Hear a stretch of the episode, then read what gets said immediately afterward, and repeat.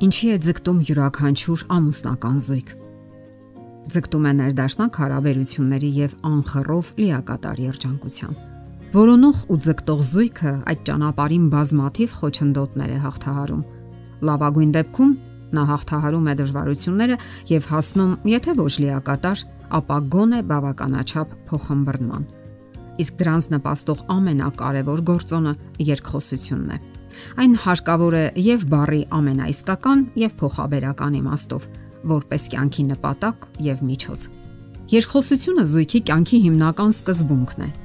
բայց երբեմն, չնայած բոլոր ջանքերին, այն չի ստացվում։ Սակայն հարկավոր է առաջ գնալ, որոնել պատճառները։ Չի ստացվում։ Ուրեմն ժամանակն է սթաբ գնահատելու իրավիճակը, հարց տալու Արդյոք ես արեցի ինձանից կախված ամեն ինչ կանխելու հարաբերությունների վատ թարացումը ճիշտ ժամանակին։ Հարցրեք ձեզ, ո՞րն է այս ամենի մեջ իմ մեղավորությունը։ Սխալների այս բազմության մեջ իմ բաժինը։ Գոյություն ունեն մի ամբողջ շարք դասական սխալներ, որոնք բնորոշ են թե տղամարդկանց, թե կանանց։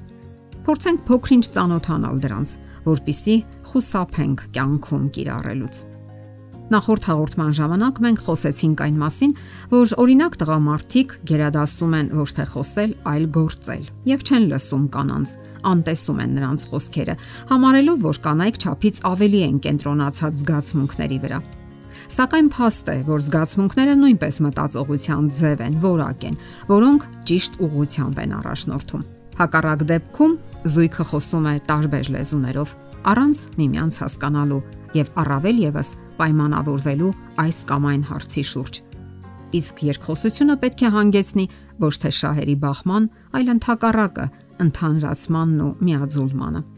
Հակառակ դեպքում ժամանակի ընթացքում հիացական, սիրալիր ու ջերմ խոսքերը կարող են վերածվել հեգնական, ծաղրական եւ ի վերջո վիրավորական խոսքերի։ Հասկանալի է, որ յուրաքանչյուր զույգ ունենում է բարդ ժամանակաշրջան, Սակայն ճիշտ փոխհմբռնման դեպքում նրանց ամուսնական նավը գնում է ճիշտ ուղղությամբ, քամուն համընթաց։ Հոգեբաններ Ալանը եւ Բարբարան գրում են. Կինը պետք է վստահ լինի այն բանում, որ իրեն սիրում են։ Իսկ դրա համար կնոջն անհրաժեշտ է ոչ միայն մերձություն, այլ նաև խոսքեր։ Սակայն տղամարդը լռում է։ Իսկ կինն այդ լռությունն ընդունում է որպես իր հանդեպ հետաքրքրության բացակայություն։ Կանայք պետք է իմանան հետեւյալ գործոնը եւ հաշվի առնեն դա։ Տղամարդկային ուղեղը կազմակերպված է այնպես, որ նրանց համար դժվար է արտահայտել սեփական զգացմունքները բառերով։ Նրանց համար ավելի հեշտ է հայտնել փաստերը, վերլուծել, խորհուրդներ տալ։ Սա հոգեբանական առանձնահատկություն է, որ հարկավոր է պարզապես իմանալ եւ հաշվի առնել։ Ահա թե ինչու տղամարդու եւ կնոջ զրույցը երբեմն հիշեցնում է խուլերի երկխոսություն Իսկ որpիսի այդպես չլինի, պետք է ձգտել հասկանալ, անցալել հակառակ սեռի խորհրդավոր էությունը։ Եվ դա ոչ միայն հետաքրքրասիրության համար, այլ դիմացինին ավելի լավ ճանաչելու եւ միմյանց հասկանալու համար։ Իսկ երբ կարող է տեղի ունենալ այդ լիակատար փոխհմբռնումը։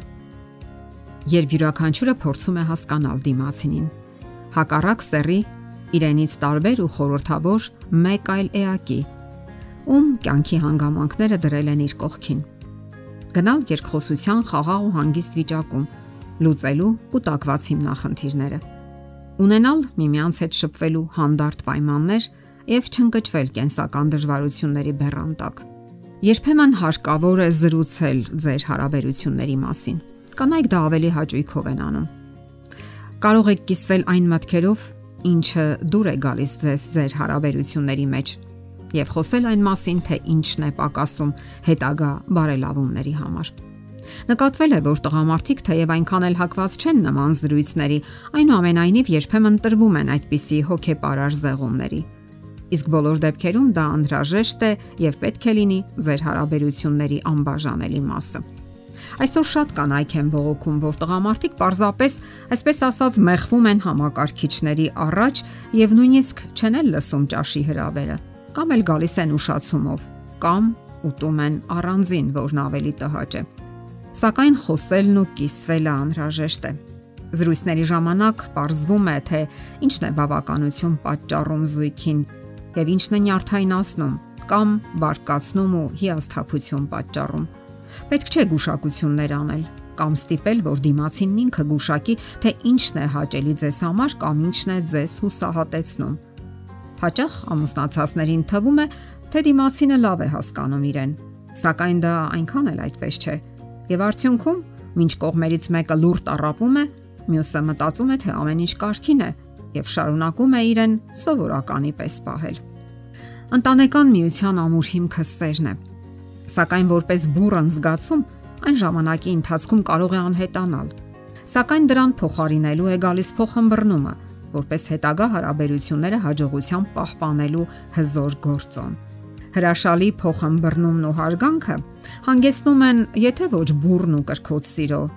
գոնե հանդարտահոս, խորունգ, հաստատուն ու հրաշալի զգացումի։ Միմյանց հետ լինելու, միմյանց հետ ողջ կյանքն անցկасնելու որոշման։ Մարդիկ սովորաբար բաժանվում են այն ժամանակ, երբ կամային որոշումներ չեն կայացնում, ապավինում են միայն զգացմունքներին։ Այդ ժամանակ արդեն շատ քիչ բան կարող է փրկել ամուսնությունը։ Իսկ որpիսի դա տեղի չունենա, հարկավոր է գնալ առողջ եւ իմաստալի երկխոսությունների։ Դե ինչ, երկխոսությունն անհրաժեշտ է։